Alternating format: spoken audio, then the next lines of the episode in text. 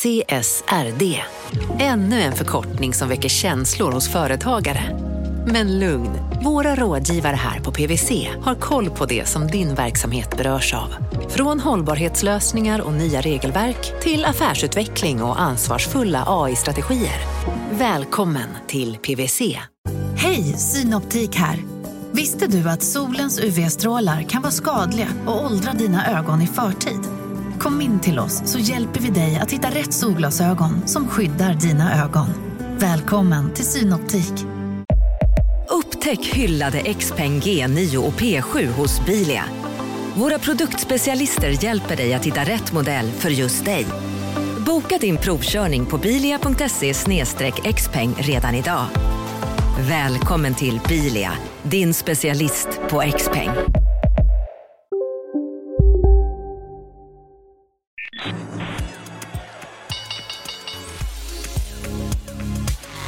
Här är Affärsvärlden Magasin med Helene Rådstein.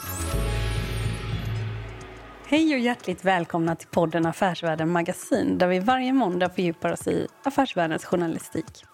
Jag heter Helene Rådstein och jag är reporter på Affärsvärlden. I det här avsnittet så ska vi lyssna på en intervju med Lars Wingefors. Han är vd, grundare och storägare i gamingbolaget Embracer Group. Han har ett väldigt eh, spännande förflutet som entreprenör och det är en tillvaro som han började med när han var 13 år redan. Då började han köpa serietidningar billigt och sälja dem till samlare. Och sedan gav han sig in i tv-spelsbranschen och sedan slutade han med det ett tag och så blev han investerare. Men sedan gick han tillbaks till spelbranschen. Och eh, Lars Wingefors han är en samlare av rang. Han samlar på allt, allt möjligt. Och han är också en samlare som samlar på samlingar. och sådär. Detta är faktiskt ganska relevant. Det är inte bara liksom, eh, kuriosa som är ganska kul, för det är ganska kul. Vi kommer att lyssna på när han berättar om lite serietidningar och sådär. Men det är också väldigt relevant för byggandet av Embracer Group. För med serietidningarna i ryggen så har Lars Wingefors han har lärt sig något som är centralt för byggandet av Embracer. För i den sammanflätade underhållnings och spelbranschen så handlar det ganska mycket om att förädla och förnya varumärken. Och mycket av det som ligger till grund för det som är Embracer idag, som tidigare hette THQ Nordic, det är just insamlandet av gamla spel som inte var så populära längre och eh, kunna förädla, förnya och komma med nya liksom, uppdaterade renoveringsspel. så att säga. Och det har man gjort ganska länge. Det som är lite nytt eh, och som Embracer håller på med mer och mer det är att utveckla egna spel i högre utsträckning än vad man har gjort förut och inte bara restaurera och renovera äldre spel. Det är också så att Embracer består av egentligen sex underkoncerner där de som restaurerar spel har säte till exempel i Österrike. Och sen så finns det också en annan koncern som heter Coffee Stain som är i Sverige som gör ganska liksom innovativa, nytänkande spel. Bland annat ett där, man, där spelaren är en get som går runt och sådär. Det finns en väldig bredd på hela entreprenörskapet och eh, även faktiskt hos eh, Lars Wingefors. Vi kommer starta det här avsnittet med att vi besöker hans kontor. Det är på Embracers huvudkontor, alltså. Det är på Älvgatan 1 i Karlstad. Och sedan så får vi åka med till hans sommarställe som ligger vid Vänern. Häng med in. Hur stort är det här då? Ja, men det här är väl har 240 kvadrat. Ja, det är en våning. Det är en gammal bostadsvåning. Ja. Jag har en fetisch, eller fetisch, men jag har en förkärlek till det. Mm. Jag bodde faktiskt eh, i en ännu större våning, eller ungefär lika stor, i andra trapphuset här när jag var ung. Mm. 22? Ja, men typ när jag var ja. ungefär så. Kan vi ta oss en rundtur här? Ja, vi tar oss en rundtur. Och här är då ena rummet där Maria sitter och eh, min kompanjon Erik. Bakom sig har han lite Värmlandskonst från Arvika. Och eh, sen har vi lite demospel om ni gillar dataspel. Så kan vi... Här ser ni ju Darksiders figurer som vi då eh, gör och tillverkar med spelen. Och eh, här är Darksiders 3. Den näst sista Darksiders. Den här är den sista Darksiders, Darksiders Genesis som kommer i februari. Vi har väldigt många varumärken. Det här, vi har inte fyllt på det här förrådet här kanske på ett halvår så att du ser tyvärr inte de sista spelen vi har gjort. Men, eh, Breakfast igen är ett annat spel som vi har haft en stor framgång med. Det görs ju i Helsingfors. Ja. Det är typ vad man kan kalla i Sverige folkrace. Och eh, här har vi Kingdom Come Deliverance. Det görs i Prag. De är 152 personer. Jag pratade just med vdn där, Martin. Vdn i studion heter Warhorse. Det är vad folk tycker är ett av de mest eh, realistiska medeltidsrollspelen. Jag ser lite av mina eh, dagliga eh, serietidningsinköp till samlingen. Nej, kan vi kolla? Vad, vad? Nej, men här har vi då... Här är Tom och Jerry. Jag köper något varje vecka. Nej, gör du det? Ja, det gör jag. Absolut. Första Tom och Jerry i absolut nyskick. Extremt ovanligt, så de är en så stor tidning och så blir den ju böjd och riven och så. Det finns väl en 3-4 tusen olika hur man definierar eh, olika serietidningar. Jag har ju samlat nu i 20 år snart och är så jag börjar göra affärer. Så att nu är det ganska obskyra grejer som jag saknar. Här kommer då Lasse reser till oberoendes land eh, ur Postsparbankens eh, film och ordbild. Ja. Om vi tar den här Lasse reser till Ja. oberoendets land. Ja. Hur vet du att, eh, liksom att du saknar den? Från början hade jag nästan allt i huvudet. Nu har jag eh, en databas också. Mm. Så att eh, jag har hyfsat koll på vad jag har. Eller väldigt bra koll.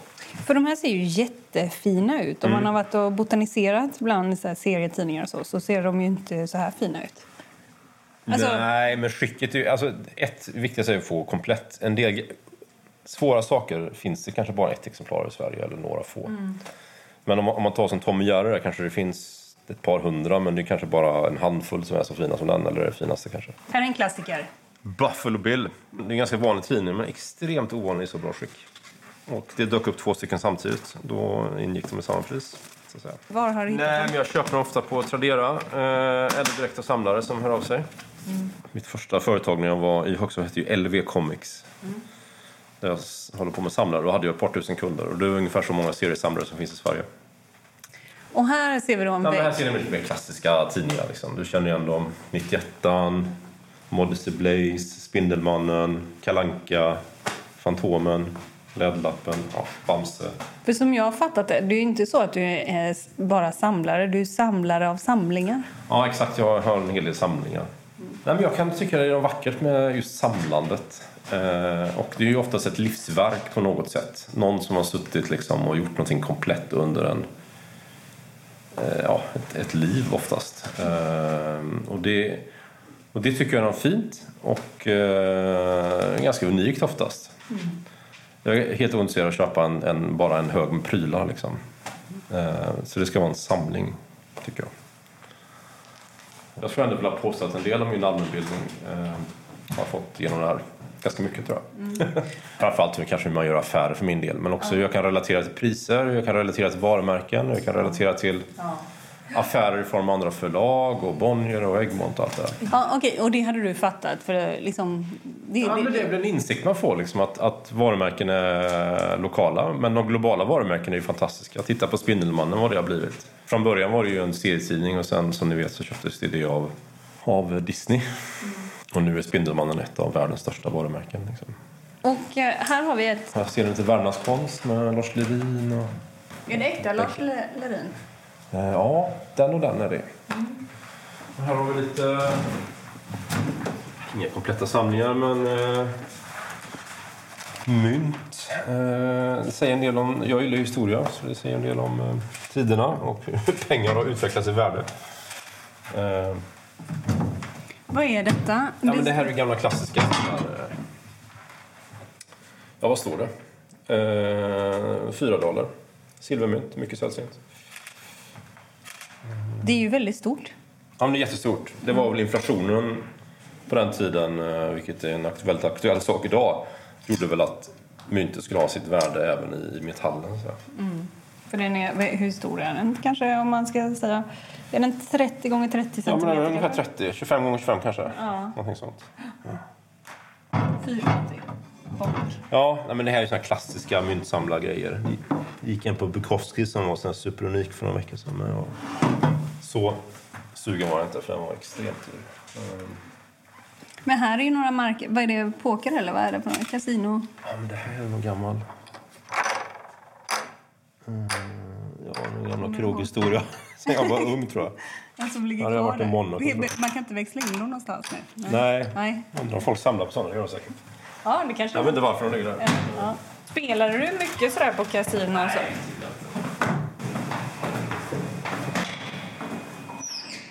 Gud vad fint. Ja. Det här ser ju lite brittiskt ut nästan. ja, men det här är ganska klassiskt sånt rum. Det ser ju väldigt så här välbevarat Ja, ut. nej, men det ska man bevara, det gamla. fina. Och detta är serveringsgång här kanske då? Exakt, här är är lite klassisk. Nej men gud, det här, det här var ju verkligen fullt. Här inne är gre- grejer för eh, miljoner. Men här är ju alla, alla serietidningar. Och sen är det de väldigt dyraste tv-spelen och uh, sådana grejer. Vad är det dyraste tv-spelet du har? Ja, jag vet inte. Eh, Nej, men kanske en sån här Game Watch kanske kostar 50 000. Ja, det är mycket. Eller gamla Nintendo 8-bitspel kan ju kosta upp till 10-20 000. Mm. Om de är i väldigt bra skick. Mm, så att, eh, Kommer det öka i värde tror du? Eller struntar du i det? nej, men värdet har väl en roll, men eh, det är inte därför jag köper det.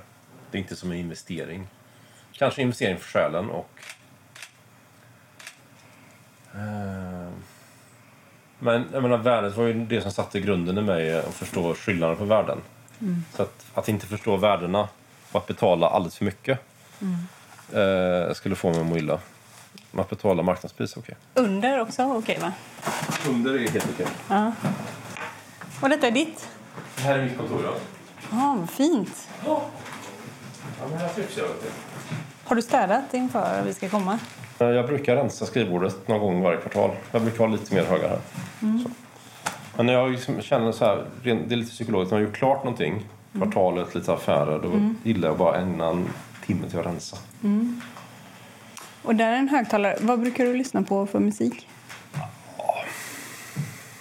Dansbandsklassiker. Klassisk psykedeliskt eh, 70-tal. Rockabilly Mania och sen svensk punk älskar jag. Eh, eh, Sten och Stalin har blivit favoritband från Göteborg. Dansband är nog, jag vet inte, det är någonting som har fallit de sista 5-10 åren för. Det är något bara melodiöst. Sen har vi ju alla svenska aktiebrev från eh, 1728 tror jag till eh, 1899. Alla svenska mm, bolag på den tiden då. Ungefär 1200 olika. Så det första var väl Alingsås manufakturverk fabrik tror jag. Med Alströmer, han potatiskillen. Här inne i mitt rum kan ni ju se Fryksta järnväg gick mellan Fryken och Klarälven, vilket då är Sveriges första järnväg vad jag förstår. 1850 någonting tror jag. Eh, extremt ovanligt aktiebrev också. 1849. Va- va- varför är det ovanligt? Nej, det- finns bara ett känt eller två kända exemplar. Mm. Aktiebrev har ju, förutom att man ser näringslivshistorien och hur tiderna förändras, så är de ju ibland väldigt vackra illustrativt. Här kan man ju se Karlstad. Karlstad kanal och eh, hamnbolags vägnar. Då. ser man kyrkan där, men sen brann, Karlstad brann ju ner bara tio år senare. Så det har ju förändrats väldigt mycket, men bron och kyrkan är ju kvar. Eh, om vi kollar här eh, så finns det ju några, vad heter de här nu igen? Stone. Tombstone. Ja, exakt. Och här är ju några förvärv då. Ja, men här är ett av de senaste. Ja. Eh, Den fick jag från Paris, den här i posten, här, bara för ett tag sedan. Eh, Från Alantra, då, investmentbanken, som, eh, som hjälpte Saber Interactive då, på deras sida att sälja, sälja sig till oss. Då. Dessutom 8-bit Do, som, eh, som vi distribuerar i Europa via något annat bolag här i Karlstad. Det visste nog inte Alantra om. Eh, Det är en av de bästa retrokontrollerna i världen. Här är eh, Thomson och Koch Media eh, från Carnegie. De hjälpte oss att köpa det i februari 2018. Var det din första riktigt stora affär? Ja, men det var ju en riktigt stor affär. Carnegie hade hjälpt oss att ta in 600-700 miljoner ett halvår innan och sen använde vi de pengar till det här förvärvet då. Det står 121 miljoner euro, men de hade ju en viss skuldsättning i bolaget så blev det lite mer i enterprise value. Men om man ska säga, eh, det här hörde jag dig berätta om den här affären hur Clemens, en av grund, det var två grundare va? Ja, Frans och Clemens ja. Ja. Hur han gick eh, upp och ändrade på någon siffra här. Ja, det var Frans. Ja, var det Frans? Ja. Mm, Frans var ju den där äldre mannen så att säga. Han grundade ju imperiet kort ska man säga. Han var ju Bert Karlsson lite av Tyskland och Österrike. Och dominera musikmarknaden där. Och sen blev det här en, en när Clemens kom in då som, så grundade de den här spel-multimediaavdelningen då. Så det här var det sista han ägde av sitt mediaimperium egentligen. Vi åkte ner till hans doktorsvilla och satte oss där en morgon och sen skrev jag vad jag ville betala och trodde aldrig han skulle så att säga, acceptera det. Och då tog han pennan och gick fram och ändrade en siffra. Liksom. Jag var helt chockad. Han hade ju ingen rådgivare och vi hade ju ingen rådgivare heller. Det är ganska ovanligt på sådana affärer. Så himla mycket pengar. Ja, eller inte. Eller inte, tycker du? Jag, jag fick mycket för pengarna. För det var 1,2 miljarder och sen så tyckte folk att eh, det, du skulle betalat mera. Ja. Mycket mer, typ tre gånger mer. Ja, men någonting sånt tyckte då det. Jag, vi- jag var lite osäker. Det var ju en väldigt stor bjässe liksom, som har haft många utmaningar innan vi köpte dem. Men eh, nu har det ju gått bättre än någonsin. Och om, om vi tar eh, Saber här, som, eh, eh, som var nu i våras. Ja. Ehm, hur, hur gick den affären till? Nej, men Saber är här, bolag, jag har inte känt dem jätteväl själv, men de, har- man har ju känt till dem i många år. Och eh, varit lite speciellt. Jag har aldrig fått ihop det där liksom, med Amerika och Ryssland. Liksom. Men nu, nu vet jag ju, men, men det är ju grundat av amerikaner som har ett ryskt ursprung. Så de har ju blandat den här ryska och stora varumärken. Liksom. Eh, lång historia kort, så Korts hade ju en relation med dem eh, tajtare. Och sen eh, hade de en jätteframgång. Vi pratade med dem så förvärvade de innan här faktiskt. Det är nästan ingen som vet. Men typ i januari 2019 kanske. Och sen släppte de sitt World War Z i april. Blev en mega framgång. Eh, och sen eh, engagerade de då Alantra. Och då var ju prislappen eh, såklart en an- annan. Men eh, jag är superglad idag för att vi gjorde det. Ja, ni hade kunnat förvärva dem innan de kom med sin hit. Jag vet inte hur många sådana affärer det är. Men det är ju svårt att veta. Och hur mycket betalar ni för dem? 525 miljoner dollar. Men de valde ju liksom att bli kompanjoner på ett sätt med mig. De är numera 10 i ägare. De tog ju 300 miljoner i aktier, dollar. Så de äger 10% av Embracer. Ungefär. Och eh, har en eh, sexårig eh, earnout. Och, ja, men är superengagerade och har redan bidragit med två till förvärv som är noterbara som vi gjorde i augusti. Då. Eh, Har du någonsin, eh, eller ni, liksom gett bort så mycket som 10 procent? Jag tror på teorin att det handlar inte egentligen om hur många procent man äger men det handlar ju framförallt om vilket värde man kan bygga. Som jag har inga problem att göra stora affärer och, och så att säga i procent dela med mig men då bidrar ju de med mer än 10 procent indirekt. Jo, jo, jo jag fattar det. Men, eller, eh, och, och, eh, men de fick 10 procent av bolaget och, Och 200 miljoner dollar. och 200 miljoner dollar. Så eh, utav de här 525 så är vad blir det, 325?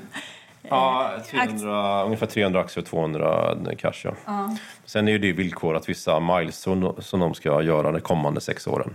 Annars? Nej, men vi har ju clawback på aktierna, annars tar vi tillbaka aktier. Det har vi faktiskt inte kommit till än, men vi redovisade i förra kvartalsrapporten så jag tror vi har ställt ut 60 miljoner Embracer-aktier eh, till eh, säljare till dags datum, sen noteringen. Och 49 av dem är fortfarande under clawback då. Så att om inte de når det, det vi är överens om så kan vi ta tillbaka aktier.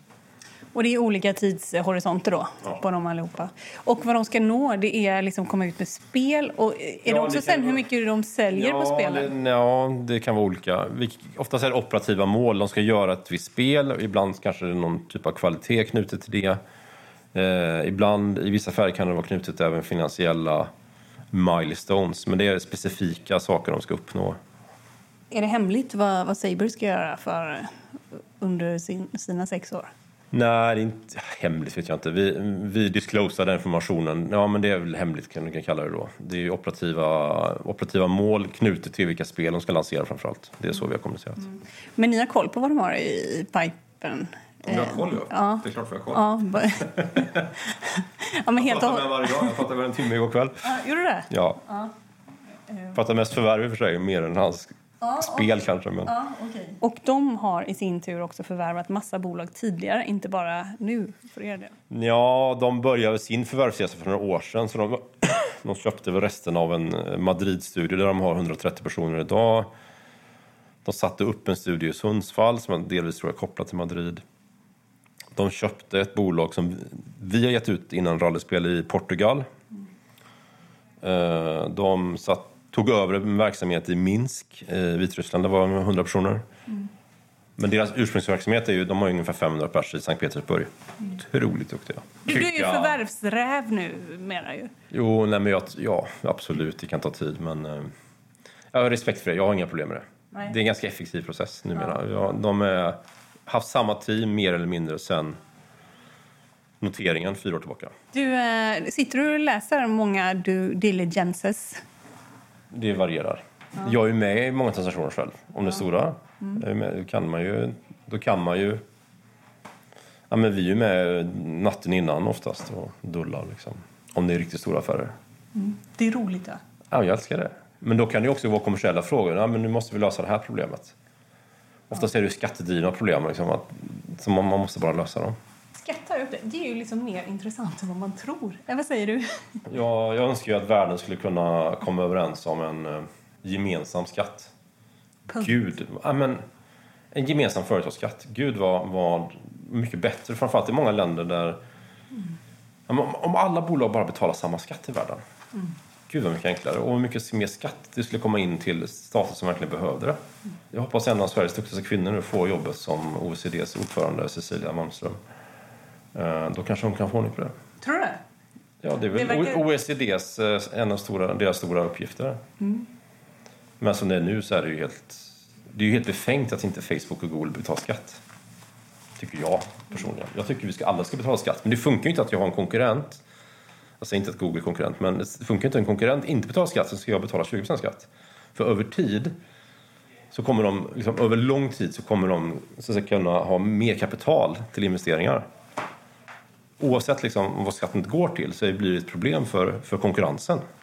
Ja, ja. jag är inte politiker. ja, men du har väl varit med i något ungdomsförbund? Gud, du har läst på du. Ja, vil- vilket, vilket Du har det? läst på. MSU.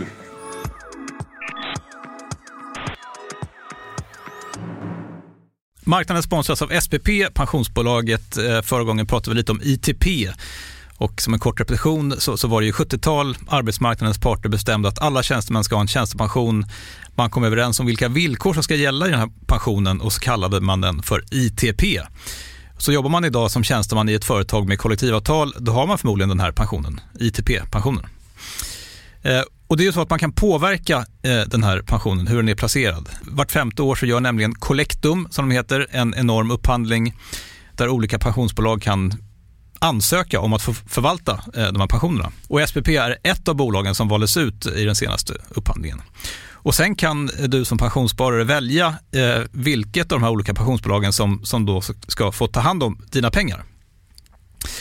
Och tanken med den här upphandlingen det är ju att liksom kvalitetssäkra de här olika alternativen eh, men också att förhandla fram stora rabatter så att pensionsspararna ska få ja, kunna spara pengar genom att avgifterna eh, som är så viktiga eh, blir eh, lägre. Och vill man välja någonting i ITP-systemet då finns det en relativt ny sajt som heter avtalat.se. Ehm, där kan man gå in och se hur sin ITP-pension är placerad. Jag gjorde det häromdagen faktiskt. Ehm, idén är att hälften av pengarna alltid ligger i något som kallas för traditionell försäkring. Det här gjorde vi ett avsnitt om i podden Kapitalet nyligen ehm, som vi kallade världens bästa sparform. kan man lyssna på om man är intresserad. Den andra halvan eh, den kan man också lägga i en traditionell försäkring eller så kan man placera det i något som kallas för fondförsäkring. Eh, SPP som sagt eh, var ju ett av de fåtal bolagen som valdes ut i den senaste upphandlingen och de finns med som alternativ både med en traditionell försäkring och med eh, fonder. Så det var en liten bakgrund till ITP-systemet. Vill man läsa mer om det här eller typ kolla hur ITP-pensionen är placerad, eh, kanske göra förändringar, då går man in på avtalat.se. Eh, men tack säger jag till SPP som vill göra oss människor mer medvetna om hur enormt viktig pensionen är för oss som en framtida lön, men också som en positiv kraft i samhället. Eh, och förstås för att ni möjliggör eh, den här podden Marknaden.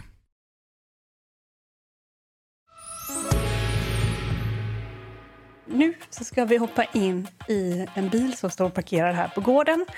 Då ska vi åka till Lars Wingefors och hans familjs sommarställe. Där jag misstänker att några affärer faktiskt också har ägt rum. Eller, vi eh, hoppar in i bilen. Kompisarna? Ska jag- Tror? Ja, men jag kör alltid från raggarbilar till Volvo till Bentley. Så köpte min andra Impala raggarbil. Kul. Ja, det är roligt. Är de svåra att köra? Nej, de är, oftast är det ganska nya motorer i dem. Så att eh, de går otroligt fint faktiskt. Men du, här är ju tajt att komma igenom. Du måste vara ganska... Det är lite så här italienskt tajt. Ja, men det, det har gått bra de här fyra, fem åren. Men eh, kanske då, då som det smäller. Oj. Ja, vi åker ut från den här öppningen här åker vi ut på Järnvägsgatan i Karlstad och eh, ska se att vi inte åker på någon bara. Nu ska vi svänga höger ner till eh, leden tänkte jag säga. Någonstans.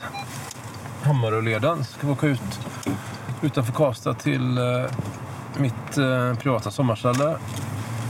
Och, eller min familj. Så Har du suttit där också och gjort deals och affärer? Ja, faktiskt. Har du det? Mm. Är det hemligt? Vil- vil- Nå, lite grann kanske. Nej, är det det? Nej, men det är ju hemligt när de är här. Är det hemligt? Men eh, Ja, just det. Har, det är ingen som ska komma dit idag? eh, nej, ingen idé. Nej, men vi flyger hit folk från världen och sen uh, fixar lite bra käk med en kock och sådär. Och sen uh, försöker vi komma överens. Ja, det är inte dåligt. Nej, Nej.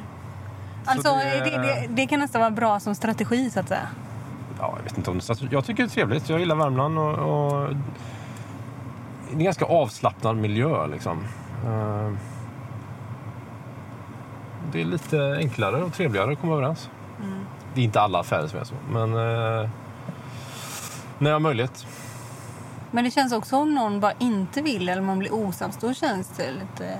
Det hade ändå varit jobbigt att ha någon hemma hos sig då, eller? Ja, Har det ja. hänt? Nej. Brukar få det jag vill. Nej, jag ska inte säga så. Men eh, om, om jag bjuder hit dem då känner jag mig ganska... Då är ni typ överens redan? Nej, det är vi inte. Nej. Men jag, bjuder inte hit folk som... Ja, men jag bjuder hit folk som jag gillar, som jag vill komma överens med. Så är det väl. Men för det har jag tänkt på nu, till exempel. eh, Mm. Alltså eh, att det är så här, det trevliga, det personliga lite som... eh, Att det är viktigt för dig när man ska göra affärer och förvärv. Det är liksom inte en oviktig sak. Alltså det adderar ju till det om man sitter i någon sommarställe och sådär. Ja, ja men det, är, det är flera, finns tycker jag flera sidor på det. Ett är väl så här, jag måste... Ska jag driva ett företag och göra det jag gör så måste jag liksom, det funka med mitt liv. Och, och sen vill jag kunna vara mig själv. Och jag har alltid liksom varit så. Jag menar, jag är här och sen gör jag affärer. Så det är liksom inte svårare än så. Uh, det är liksom ingen medveten strategi liksom att... Uh, men hur skulle man annars göra? Skulle man sitta då på ett flådigt kontor eller skulle man... Jag menar... Jag tror det finns en effektivitet i det. Det finns en stor effektivitet i att jag eller vem det nu är, mina VDar kommer överens med, med ett handslag eller vad man kan säga innan alla jurister och rådgivare kommer in. Helst. Och då kan jag säga så här, ah, men det, deadline är nästa kvartalsrapport till exempel. Jag vill inte göra affär efter det för jag vill inte vara insider efter kvartalsrapporten. Och, det var massa anledningar. Eh, och- och då oftast blir det affär då på kvartalsrapporten. Men i teorin skulle det kunna vara klart tidigare. Eller mitt i. Så att, och det är liksom så arbetslunken ser ut. Eh, så nu är jag ju i en sån här process de här veckorna där jag försöker liksom få in affärer. Få handslagen. Och sen liksom... Sen är det ju en process att stänga dem. Så, Men du är ändå här. Eh, alltså, Med dig ja. Ja, exakt. Var Bara för att du var så himla trevlig och, och ställde... Nej, men för, det är för affärsvärlden är en, en um, som har lärt mig mycket. Så ibland då får man ställa upp. Ja, ja. Nej, är det så? Ja. ja. Ja, det är husbibeln. Affärsvärlden och Börsveckan. Jag Vi, kan, vi kan klippa bort, vi klipper bort det sista. Jaha, okej. ja, just det. Jag älskar att läsa sagor för mina barn. Och nu, nu är tyvärr den yngsta och mest, men de andra blir så stora. Men, eh, Men du vet när de har somnat, när hon har somnat så kan man ta fram den. Eh, och sen ligger man där lite. Det är fan en av de bästa stunderna. Det förstår jag. Hur gamla är de? Det är tre. Ja, i tre barn ja. Men de är eh, fem, eh, fem, eh, nio och tolv. Ja. Den yngsta fyllde idag. Nej, Jo. jag, jag såg någon bild, det kanske verkar lite snokigt, men jag såg någon bild eh, där ni skulle åka på eh, husbilsemester i, i somras. Ja, just det. Ja. Hur funkar det med en så... Men, ja, jag har varit ganska emot det här med husbilar, men min fru övertalade mig att det blev så. Skaffade vi en husbil och sen åkte vi iväg. Eh, Jag hade inte läst en manual, jag har inte kört en meter i den husbilen, jag bara satte mig. Eh, Och jag hade inte hon heller. Så det var lite learning by doing. Eh, Är det svårt eller? nej, det var bara att köra. Men det är ju lite tekniskt då, man ska få igång kylan och, och, eller värmen eller allt vad det är. Ja, ja. Man ska tömma latrinen och du vet så här, ja. Men det finns folk som kan hjälpa till och sen kan man ringa ibland eller så, så ordnar det sig ändå. Så länge familjen är i bilen så går det ju. Konkurrensen om att eh, köpa liksom, spelutvecklare och spelbolag och sådär, den ökar väl hela tiden? Vad säger du?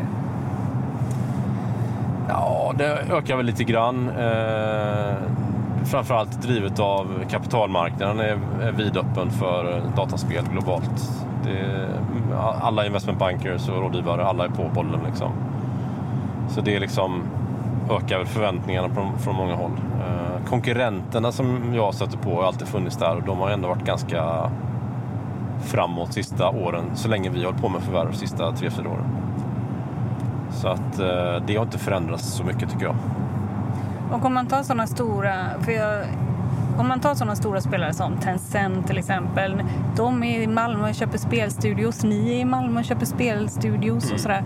Vad säger de just så här, liksom, eh, ja, den kinesiska techjätten Tencent, vad säger de om deras intåg i Norden? De köpte delar av norskt bolag också. Facom, ja. ja, exakt. Vad säger de om det? Nej, men det är klart att du, du förstår du också att det finns ju mycket historia som inte jag kan berätta om dig. Men eh, jag har all respekt för Tencent, otroligt duktiga. Eh, känner inte grundarna där, men jag känner ju de som jobbar i västvärlden.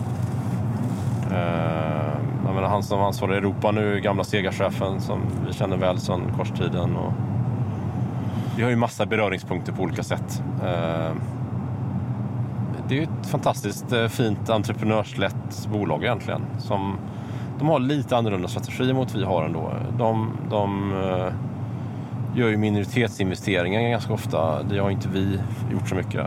Eh, Sen har de börjat även med majoritetsinvesteringar.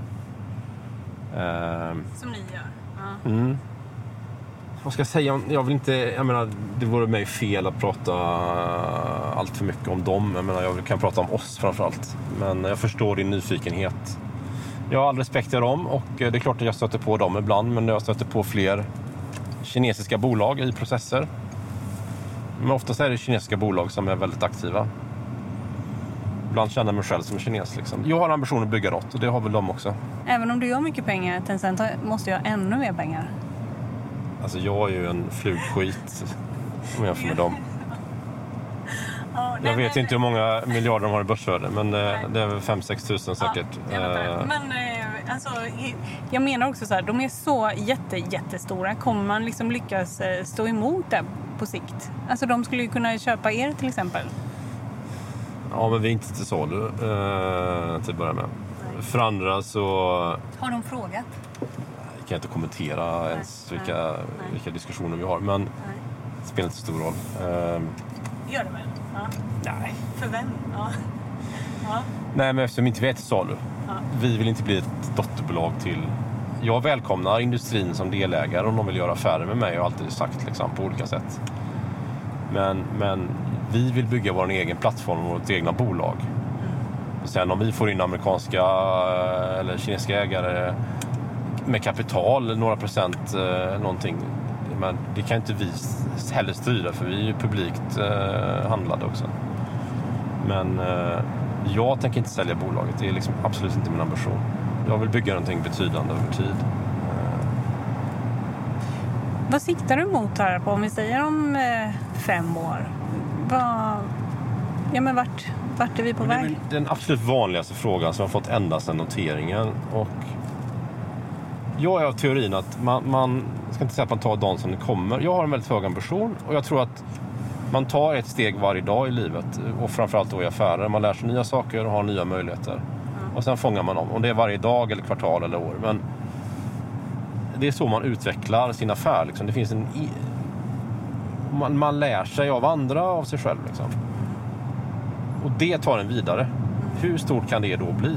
Ja, jag, jag, menar, jag är inte så upptagen av det, hur stort det ska bli. Jag har en ganska klar vilka affärer jag vill göra, vilka stora affärer som finns att göra i framtiden.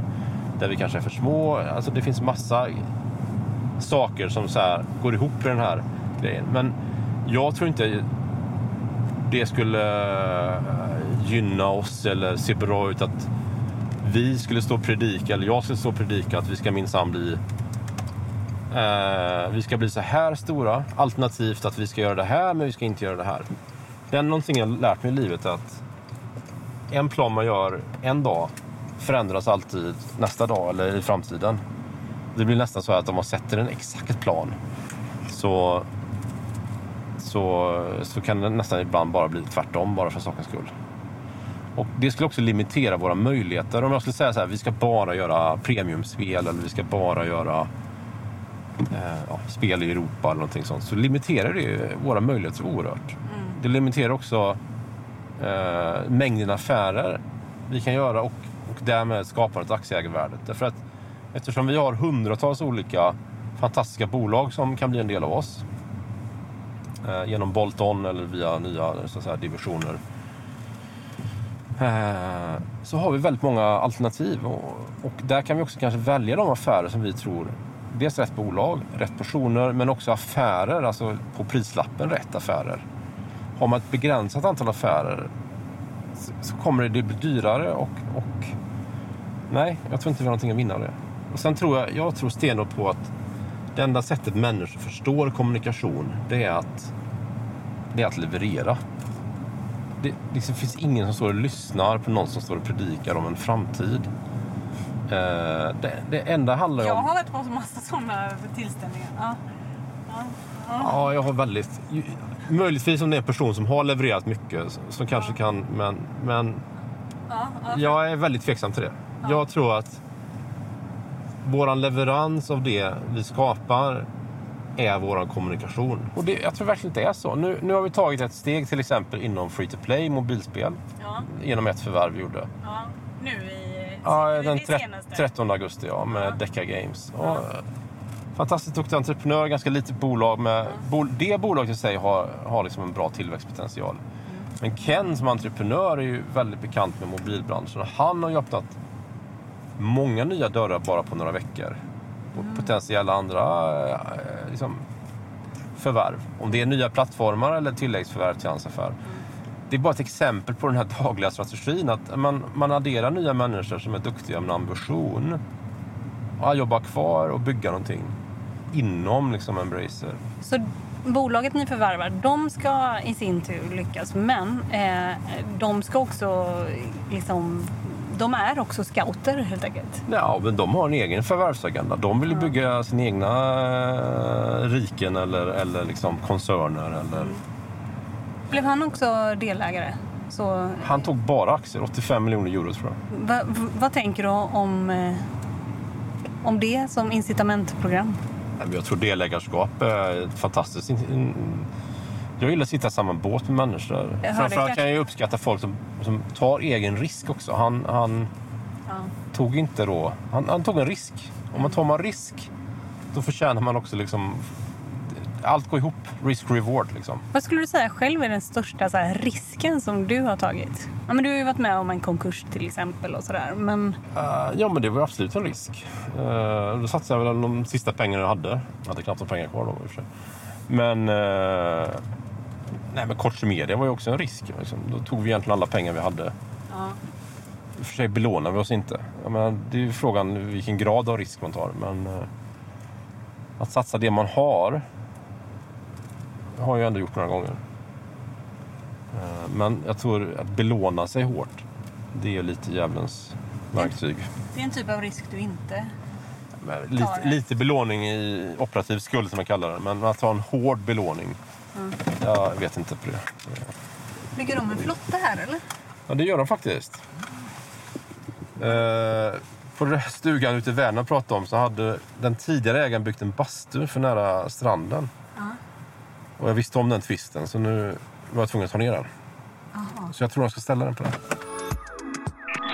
Du lyssnar på Affärsvärlden Magasin med Helene Rådstein. Är du, är du en badare? Lite grann. Lite grann? Ja. Alltså jag menar inte nu men eh, Nej. så roligt ska vi inte ha. det blir inga dykbilder. Nej, det blir inga dykbilder. Nej. Du är ingen gamer sådär sa du? Nej, men jag är ingen gamer mer än någon annan. Och Jag spelar inte så mycket på kvällarna. Så. Familj och affärerna tar mycket tid. Och spela tar mycket tid. Det är ett fantastiskt nöje men blir man fast i spel så kan man bli helt fast i flera dagar, en vecka. Roligt men eh, en utmaning i min situation. Ja, men eh, men eh, har, har du varit en gamer så? Alltså har du blivit fast på det sättet? Eller? liten har jag kunnat fastna i såna här Nintendo 8-bit och Super Nintendo Commodore 64. Då gamear jag alldeles för mycket. Eller mycket.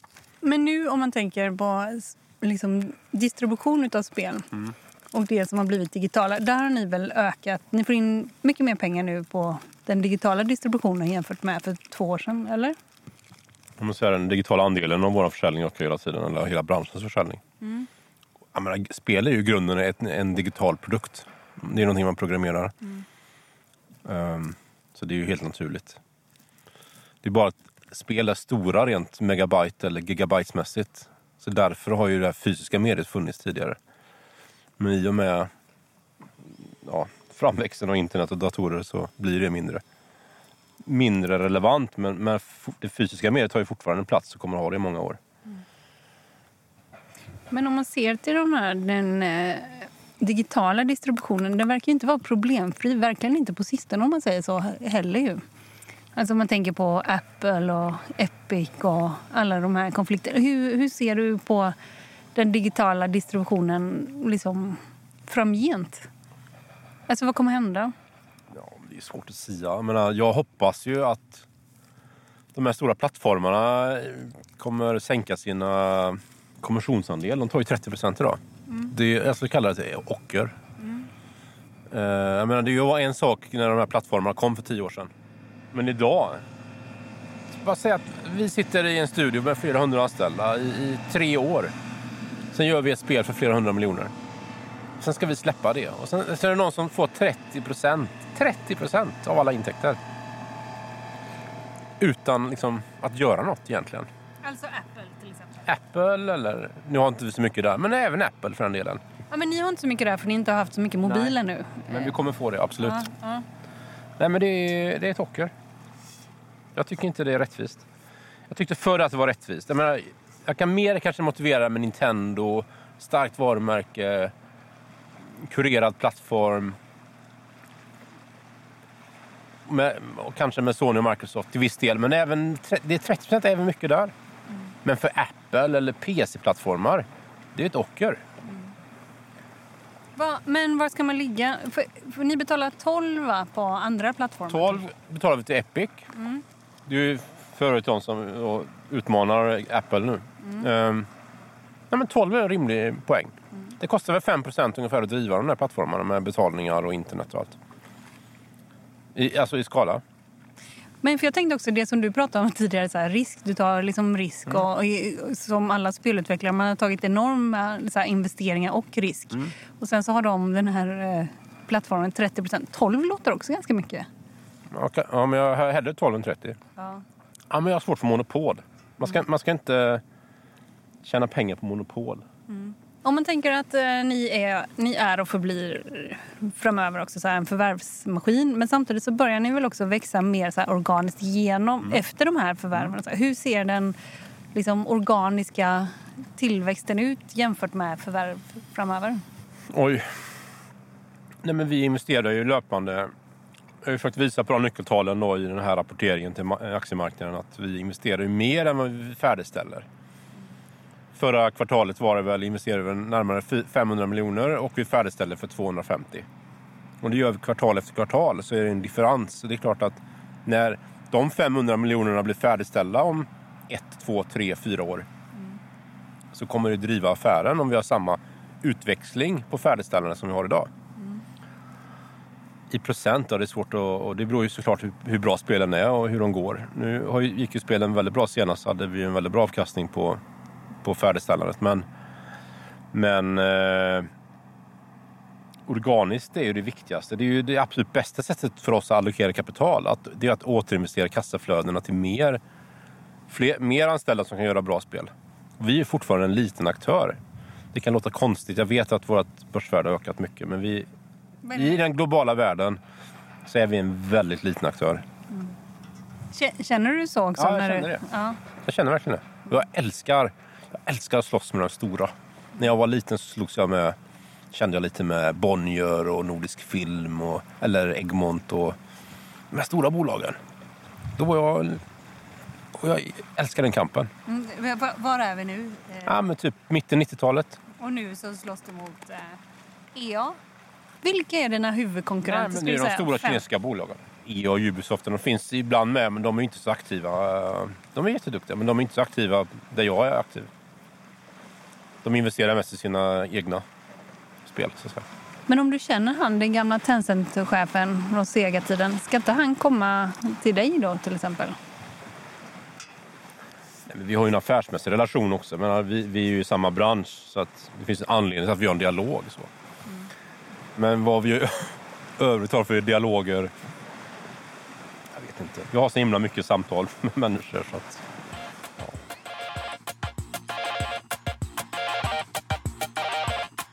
Jag såg någonstans att det är tusen, ni tittar på tusen, eh, inte bolag, men spel, eller?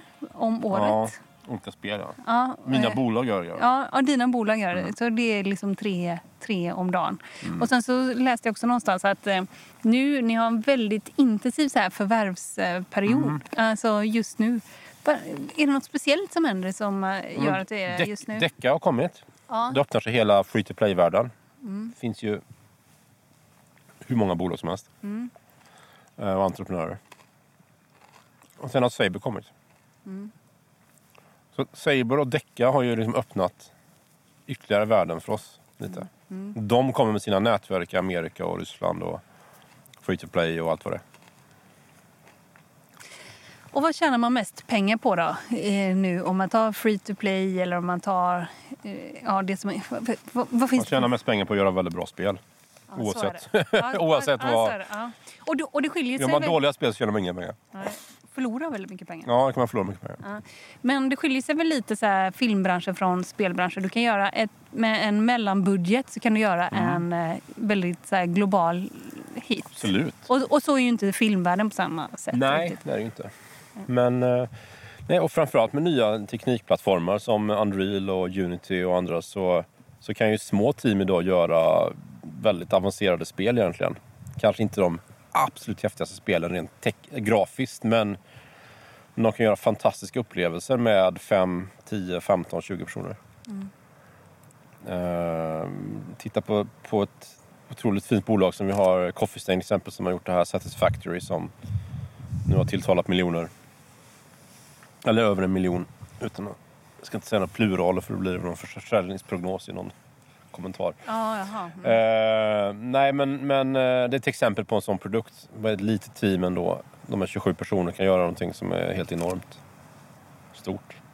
Det finns ju ett 20-tal olika affärsmodeller inom spelbranschen. Det finns ju, den stora är ju klassiska premium kallar det. Det är ett spel man tar betalt för på PC eller konsol. Mm. Men sen inom free to play det är ju egentligen ett spel, man laddar ner spelet gratis och sen finns det olika sätt att ta betalt för det. Det finns ju en genre på PC det är ju väldigt stort framförallt i Kina.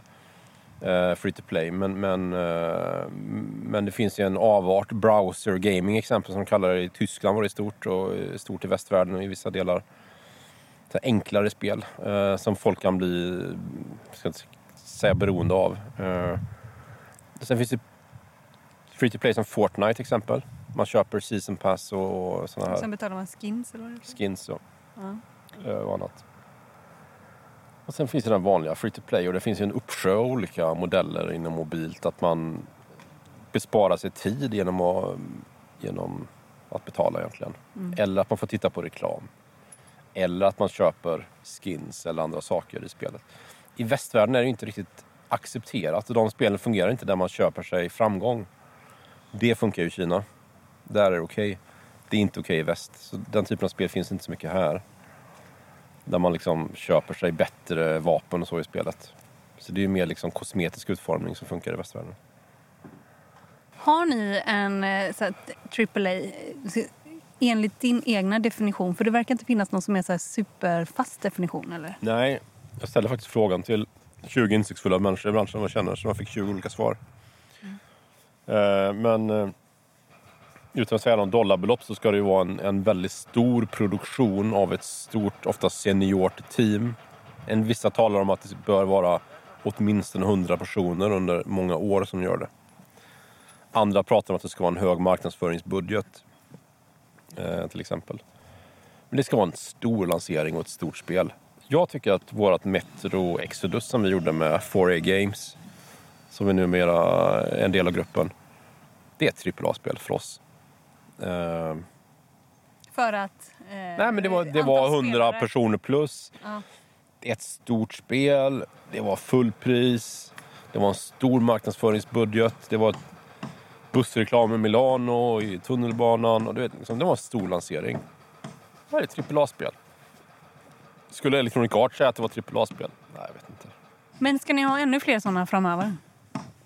Ja, men det har jag kommenterat. Jag gillar inte den här bokstavsbedömningen. Eh, men det jag har sagt är att vi kommer åtminstone ha eller vi kommer ha AAA-spel nästa finansiella år och sen kommer vi därefter ha det varje år.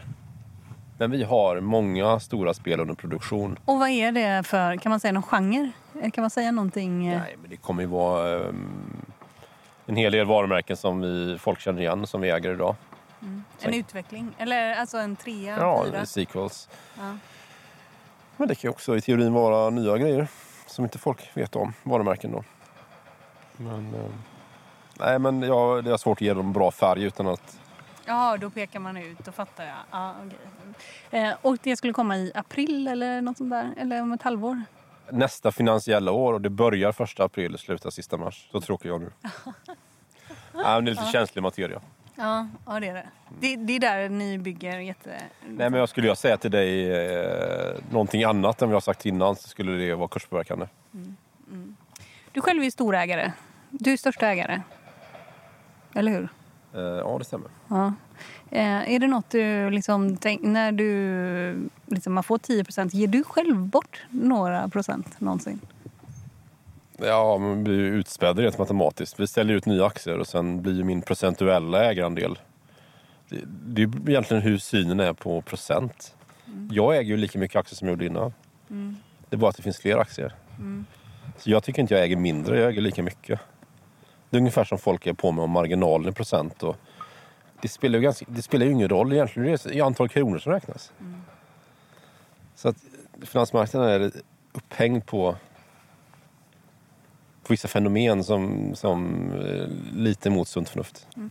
Ni har ju fått lite sådär kritik. Vad är det här för redovisning? När ska ni övergå till IFRS? Kan du förstå den kritiken? Eller tycker du... Ja, men diskussion. Jag tycker det, det är en bra diskussion. Jag gillar kritik och mm. diskussion. Och oftast kan jag lära mig någonting om det. Och jag tycker vi har försökt göra det. Jag tycker vi också vi har försökt bli bättre.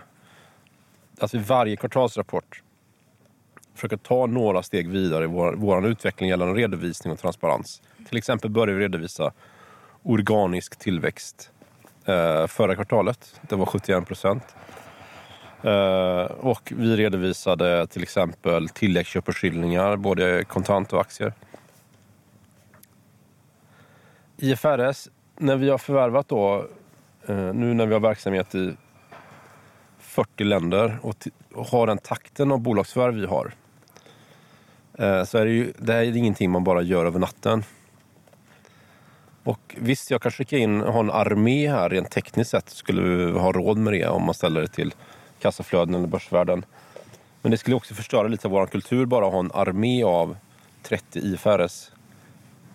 eller IFRS, men bara en armé av liksom nya människor som kommer in här i, i Karlstad. Så jag tycker att får, vi tar ett steg i taget hela tiden. Så kanske vi kommer till IFRS i framtiden. Just nu har styrelsen beslutat om en utredning, vad man ska kalla det om det här. Som eh, då vi ska rapportera tillbaka till styrelsen och sen ska styrelsen då ta beslut om nästa steg.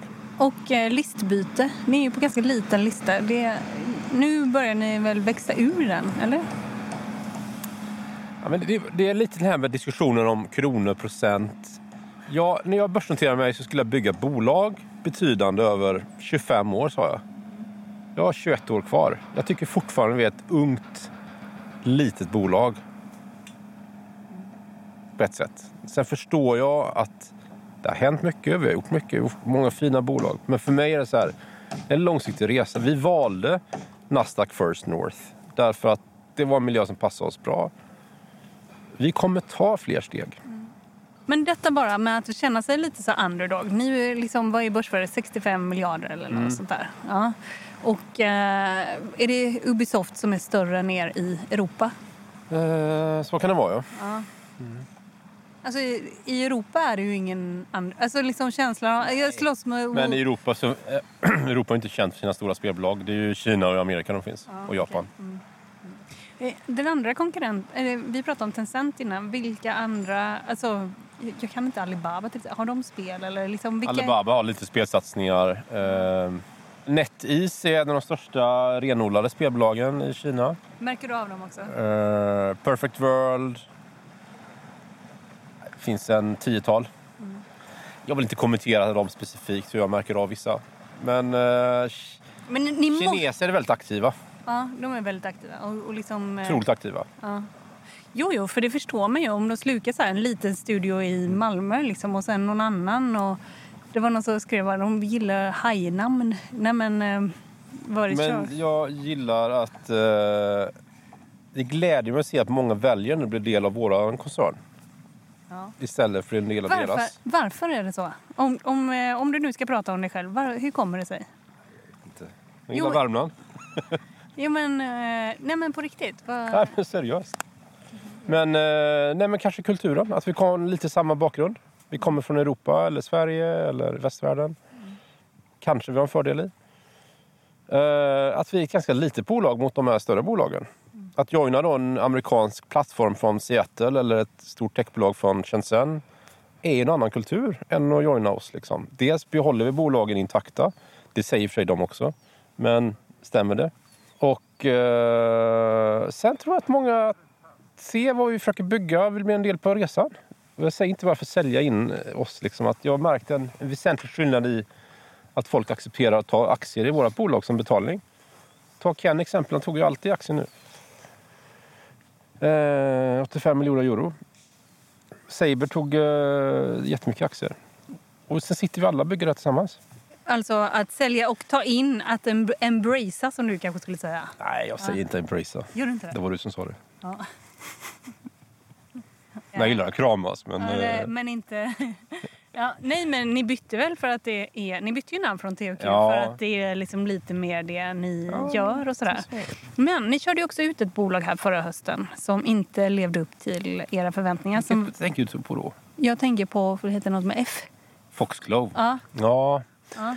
Nej men Foxglove är ju, var ju ett bolag som vi köpte just innan noteringen som höll på med mobilspel. Ja. Ett fantastiskt bra kreativt team baserat, distribuerat i världen, men lite i Stockholm. Och, eh, men de sysslade med ting som inte vi egentligen kunde. Det var ju mobilspel.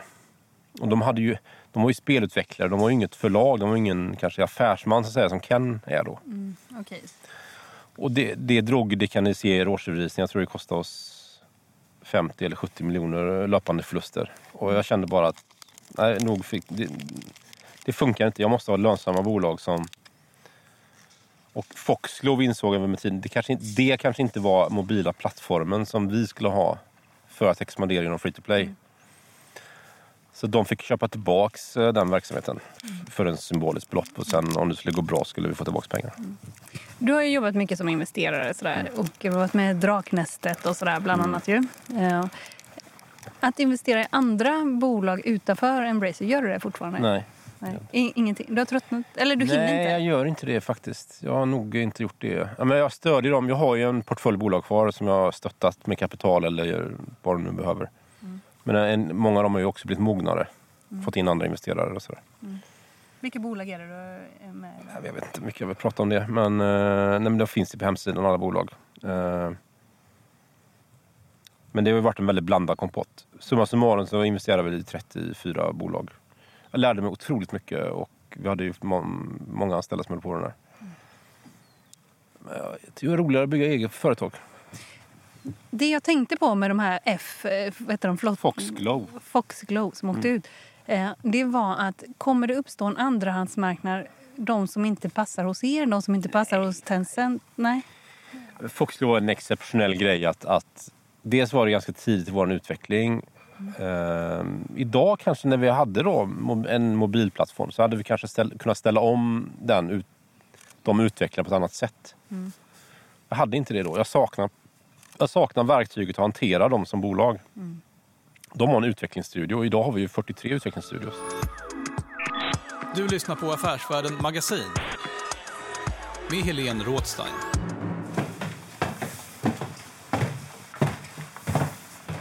Men allvarligt talat, en sak som jag har tänkt på med, eh, med dig och Embracer mm. det är ju faktiskt eh, hur eh, viktig du är för bolaget. Vad, vad säger du? Alltså, vad är Embracer? Det är lite överdrivet. Tror, tror du det verkligen? Alltså, bolagen skulle klara sig fantastiskt bra. Och skulle inte jag finnas så skulle de dessutom kunna ha jättefin förvärvsagenda utan mig. Mm. Och bolaget skulle mm. må bra. Sen är klart, om vi tittar kanske, visst jag har en ambition 10-20 år bort och liksom det är ett litet pussel att få ihop det här. Mm. Ja, Okej, okay, det kanske inte blir exakt samma om inte jag skulle vara här. Men eh, jag tror bolaget skulle gå jättebra utan mig. Mm. Bättre ibland. Jag menar, ibland blir jag förvillar jag ner mig i detaljerna mm. där jag inte ska vara. Hur ett spel ska göras. Eller, eller inte hur det ska göras. Men. Hur vet du så här, eh, när, när, du ska göra förvärv och ni är mm. ute och tittar jättemycket, vad liksom, när vet du att japp, det här är rätt, det här ska vi göra? Nej, men när jag hör entreprenören, dels jag ser hans bolag, vad han har gjort, siffrorna. Och sen, sen bara hör han berätta hans ambition, vad han vill göra. Och eh, gärna att man träffar dem fysiskt. Det är ju svårare digitalt, men det, är, det, det går. Mm. Har det påverkats under corona? Jag vet när... Nej, men vi kan göra affärer ändå. Ja. ja, ni har gjort det ändå ju. Ja, vi gör det ändå. Men oftast är det bolag vi har känt, men, mm. nej, men vi kan göra det ändå. Mm. Av de bolagen ni förvärvar, har ni haft dem som till exempel underleverantör? Alltså, känner du dem sen Många, tidigare? Historiskt sett har det varit så. Men nu när Saber har kommit in så, så är det delvis nya bolag som de har känt kanske, men inte varit delvis varit underleverantör till dem kan man säga då kanske. Mm. Och du då, ju mer det kommer ut i organisationen mm. ju mindre kontroll har ju du. Jag vet inte om det stämmer. Det klart, kontroll. Ja, ja, vi har ju fått bättre kontrollsystem. Med finansiell uppföljning har vi mycket bättre kontroll idag än vi hade för, för, för några år sedan. Mm. Eh, men det är klart, jag delegerar mycket mer ansvar. Men varför skulle jag gå och köpa bolag för miljarder med duktiga entreprenörer, så skulle jag inte lita på dem. Så någonstans bygger det på att jag, tror, jag litar på dem och tror de är duktigare på det än vad jag är. Så att, sen är det ju lite strategin som jag har är att vi, vi är diversifierade och därav tar ner affärsrisken för oss som aktieägare och för mig. Eh, att vi är många varumärken, det är många bolag och nu är det sex koncerner. Eh, det är väldigt många intäktsströmmar. Så om det är någonting som börjar liksom brista någonstans så står vi absolut inte och faller med det. Och jag vill ju addera fler divisioner, alltså det ska bli en sjunde och, och, med, och så vidare. och så vidare.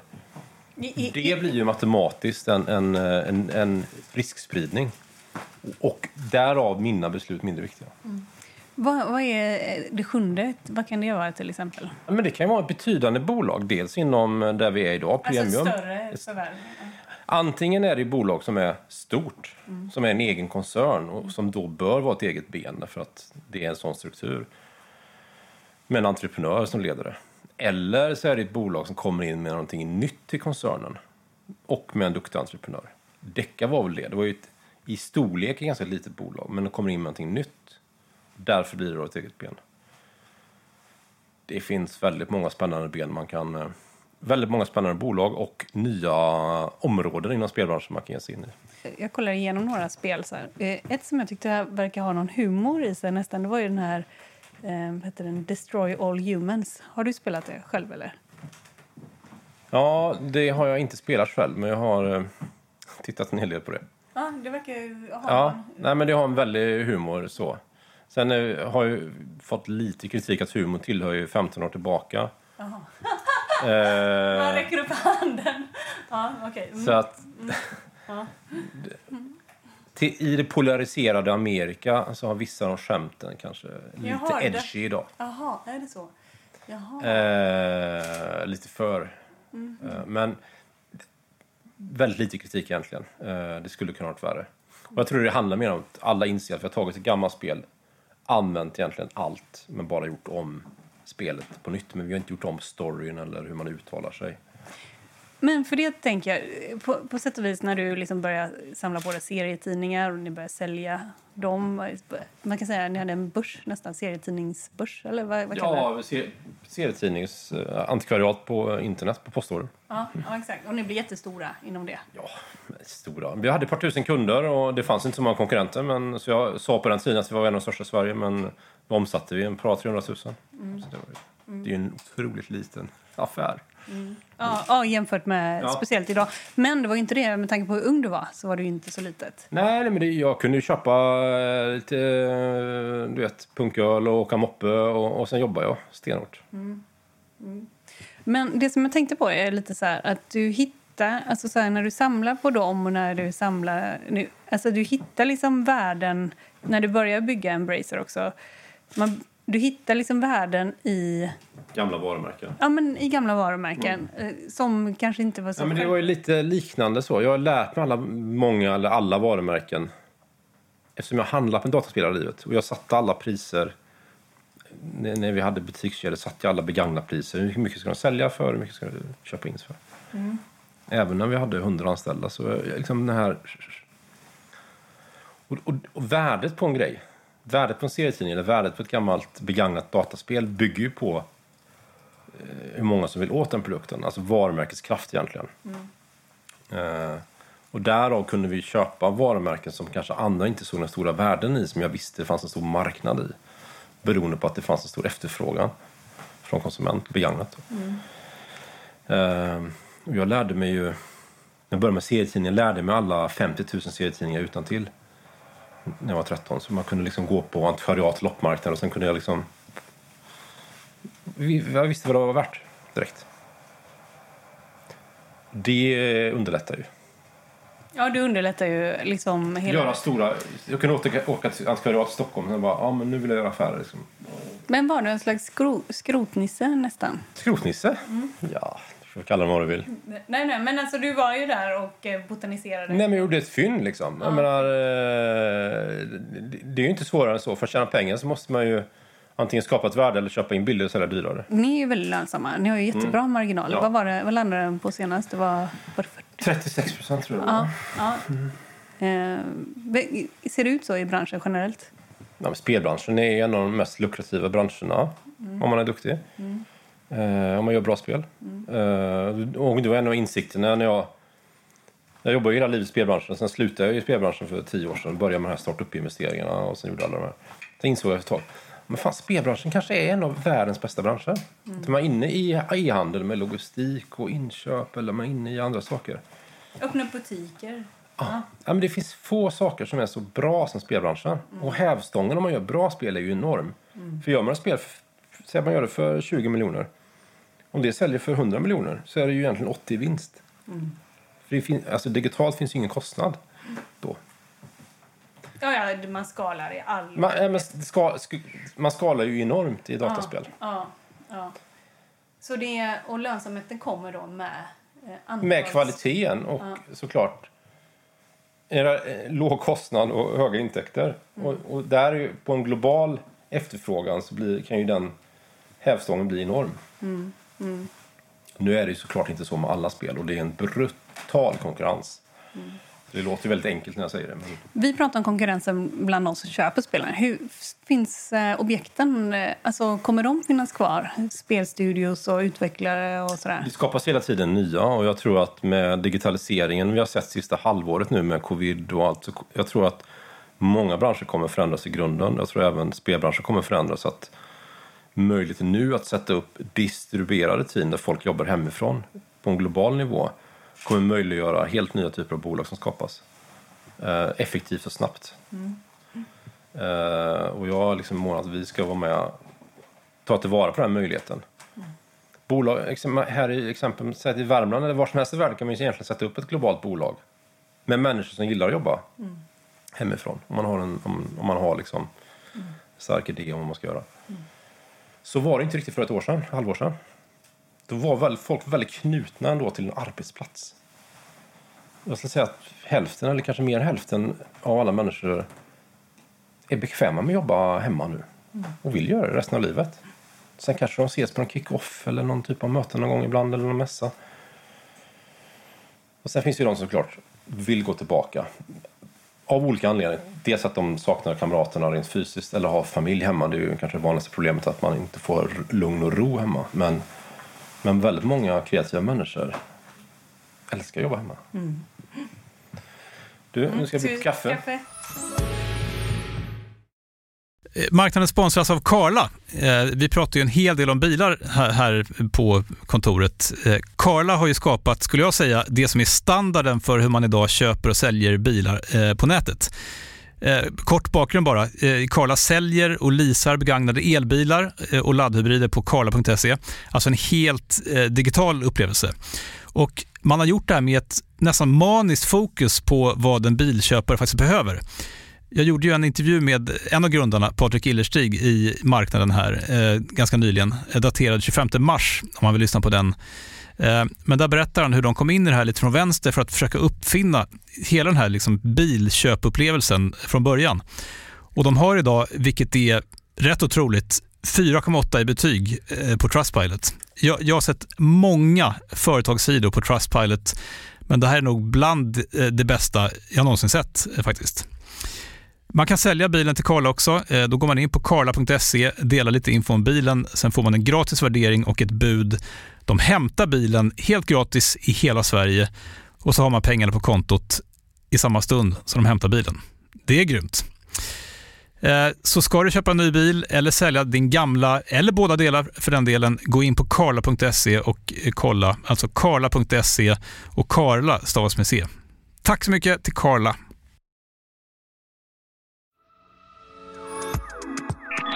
Du lyssnar på Affärsvärlden Magasin med Helene Rådstein. Det är väldigt rent i din bil. Det är inget skräp någonstans. Eller vad är detta? Där. Det är en eh, som är till, var till min dotters eh, gosedjur som hon fick i morse. Tobias, har du den här quizen? Ja, det är gamla spel och det är musik till gamla spel. Okej. Okay. Ja, ska vi se ifall, ifall du nailar dem. Okej? Okay? Okej, okay. kör vi den första låten? Tror inte det.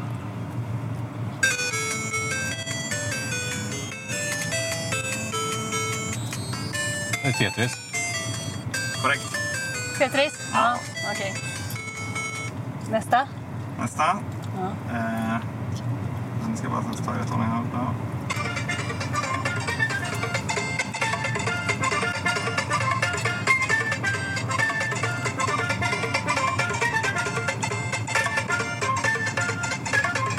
Nej. Vilken var det? Det var Super Mario World på Aha. Super Nintendo. Det, lir, det lirar jag aldrig faktiskt. Nej. Okej. Okay. Okej, okay, den här då? Metroid. Metroid? Mm. Var det ett favoritspel? Ja. ja. Det är ganska klurigt va? Typ så med... Första Metroid på NES är ju ett fantastiskt spel. Det är svårt som svin tyckte jag. Klarar du det? Ja, jag tror jag gjorde det. Jag kom i vart fall till modhjärnan för mig. Men eh, Nintendo... Är 8 bit, 8 bitars eh, om man skulle köpa det idag på Tradera. Mm. Det kostar 3000? Vad tror du? Oj, väldigt varierande. Jag tror priserna har inte gått upp så mycket sen jag handlade. Jag tror jag sålde den där för 600-700. Alltså bara en enhet med kontroll. Kanske en tusenlapp kanske man får. 800. Men sen är, det väldigt bra skick. Original Bergsala-boxen kanske man kan gå 4-5 tusen i väldigt bra skick. Jag såg någon som gick för 7 tusen för några veckor sedan. Men det var helt ny skick. En ganska ovanlig modell. Var är vi nu egentligen? Vi är ju utanför Karlstad. Ja, på Hammarö. Alltså det är ju den här halvön som går ut nedanför Karlstad. Ah, okej. Det är ett expansivt eh, område. Sen många som bor i, eller jobbar i Karlstad bor, bor här. Det är en egen kommun. Innan var det en arbetarkommun som heter Skoghall, där bruket låg. Det är en liten ort där inne. Då. Och sen är Hammarö där liksom det var lite mer eh, sommarresidens för direktörer och annat. Eh, där vi var idag, till exempel. Då. Men nu har ju det flyttat så många hit, unga familjer och folk som tjänar bra. Så de är ju, den här gamla arbetar socialdemokratiska idyllen har förvandlats till ett borgerligt eh, borgerlig halvö. så går det. Va, eh, va, vad skulle du rösta på idag ifall det var val? Jag skulle rösta på någon klok människa som eh, kan lyssna på folket och förstå sin omgivning. Eh, jag vet inte hur många politiker som gör det här. Jag vill inte säga det. Inte? Heller vilket block. Det är oklart Nej. vilka block som finns kanske. Ja, dels är det, det är också väldigt oklart. Nej, jag tycker politiker har, många har, har svårt för att eh, lyssna och förstå sin omgivning. Jag kan sakna stora, men nostalgi kan jag sakna stora män som liksom Olof Palme eller Hammarskjöld eller nu inte han politiker i och för sig men ja, men bara som hade en vision och som bara liksom... Nej. De här Skärholmen, har du varit och besökt de loppisarna på sistone? Som... Nej, det var inte faktiskt. Jag tror de flyttade till Vårberg. Jaha. Ja. Mm. Men, eh, men de är ju ganska skojiga liksom, platser i sig. De. Verkligen. Ja. Men går du runt, eh, går du runt på sådana liksom, ställen nu? Nej, det gör jag inte. Dels vågar jag inte sätta mig på auktionen och loppmarknaden egentligen. Alltså, eh, man släpper hem saker inte man behöver i sådana fall. Eh, Ja, du gör det. Jag, jag släpper inte hem saker överhuvudtaget längre. Du får inte. Nej, jag får inte. Jag vill inte. Jag har inte gjort det på många år. Men... Eh, sen är inte, om, man, om man pratar om mitt samlande så hittar man ju väldigt sällan saker. Eftersom jag har samlat eh, i så många år eh, så har ju jag indirekt hundratals människor som jobbar för att hitta saker på loppmarknaden och sen lägger de det på Tradera. Och ibland kommer det så här fynd och någon lägger ut en serietidning för 10 spänn och sen köper man den för 15 000. Liksom. Det har ju hänt. Men att, att hitta en sån tidning själv, eh, det, skulle, det är ett heltidsarbete. Det går inte. Nej. Men använder du Tradera-appen varje dag? Nej, inte varje dag, men ett par gånger i veckan i alla fall. Jag brukar söka på, jag ska inte berätta vad jag söker för att då, får du konkurrens. men jag har olika sätt att hitta det jag ska ha. Ja. Men sen har jag faktiskt en kille, nu jag samlar dataspel numera också. Eh, Jag har en kille på halvtid som jobbar med det bara. Jaha, för att hitta åt... Ja, som köper samlingar egentligen. Men vad ska du göra med dem sen då? Du, det har jag en väldigt fin plan. Det Kan jag, kanske jag kan bjuda hit dig? Ska jag berätta om här? Ja, nej, du har en plan för det? Ja, det är klart. Jag har alltid en plan. Jaha, okej.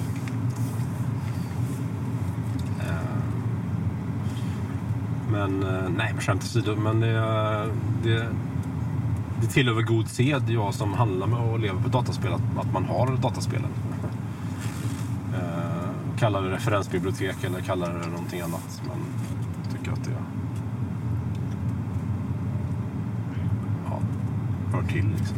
Om, man skulle, så här, om du ska namnge så här, de här tre liksom, det här är tre antingen jag vet inte, bra science fiction-böcker eller, liksom, eller tidningar. Eller liksom, Mm. där, kan du säga något där som bara det här, de här tre ska man inte missa eller tycker du är bra? Gud. Nej, men alltså, pratar vi modern science fiction, om man kallar det. Jag, jag gillar väl kanske mer dystopi. Ja, gör du det? Mm. Jag tyckte han var helt duktig, han Lars, vad heter han, Wildereng.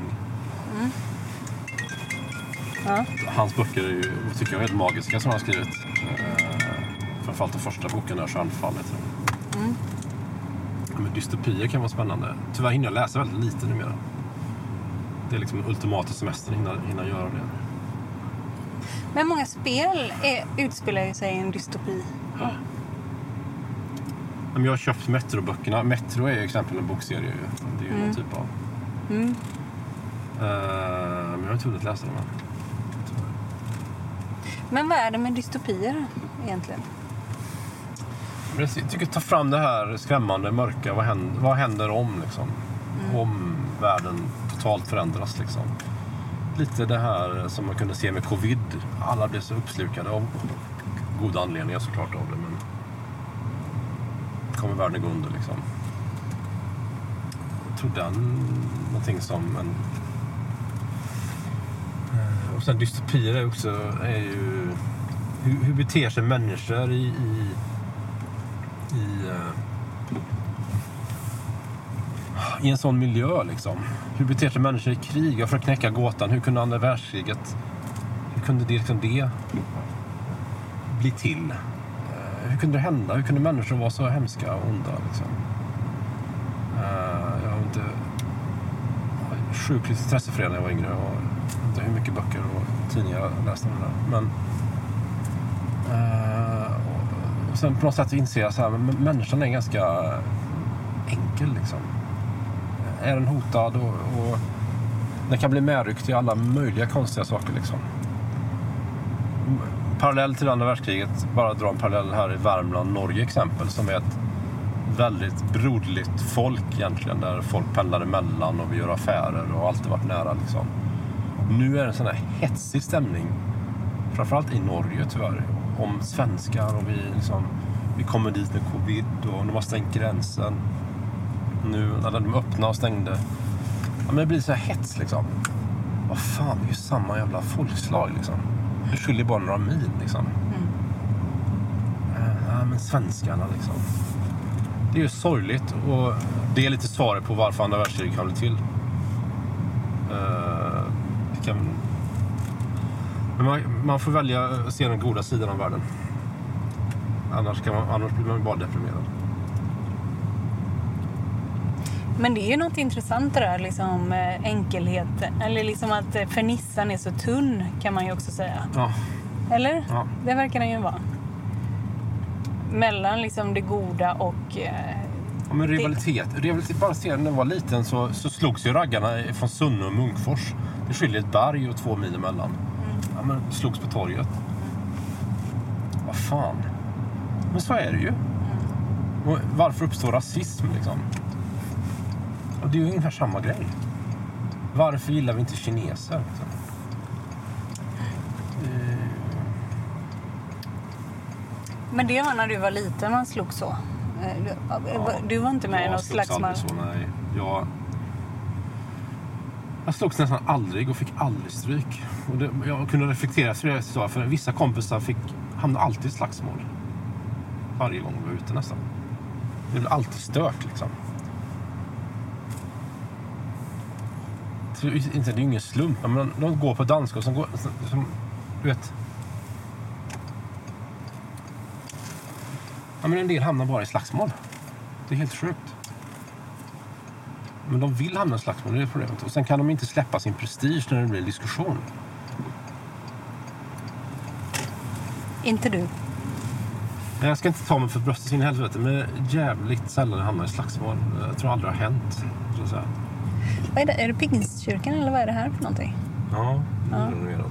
Ja. Ganska stort, eh, lite, eh, lite överdimensionerat nästan korset. Ja, ja. ja. Du är inte religiös på något vis? Nej.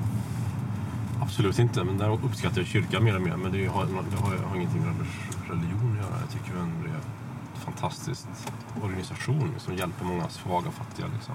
Mm. Även lokalt här. Och, Du har lyssnat på podden Affärsvärlden Magasin med mig Helene Rådstein som idag har begett mig utanför tullarna ända bort till Karlstad för att träffa Lars Wingefors. Och med mig har jag också haft Tobias Ols som är fotograf som kanske hörs lite då och då när ni har lyssnat. Den här podden den är tillbaka om en vecka så ni får hålla ut till dess och hela intervjun finns på affärsvärlden.se. Hörs nästa vecka. Håll ut!